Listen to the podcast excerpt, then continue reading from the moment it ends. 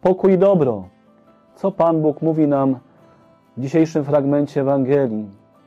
Pan Bóg przez świętego Mateusza przypomina nam przepiękną przypowieść, obraz naszego życia y, w pannach roztropnych i nierozsądnych, które niosą ze sobą lampę.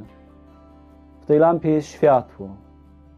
To światło jest symbolem naszego Mistrza Chrystusa, który zamieszkał w naszych sercach od chwili Chrztu Świętego i oświeca drogi naszego życia.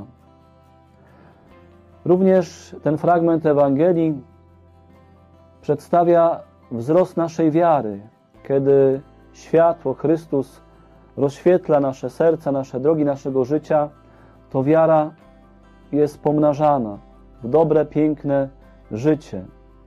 Kiedy zabraknie tego światła, kiedy odejdziemy od Chrystusa, wejdziemy w grzech, to oddalamy się od światła i oddalamy się od Królestwa Bożego w niebie.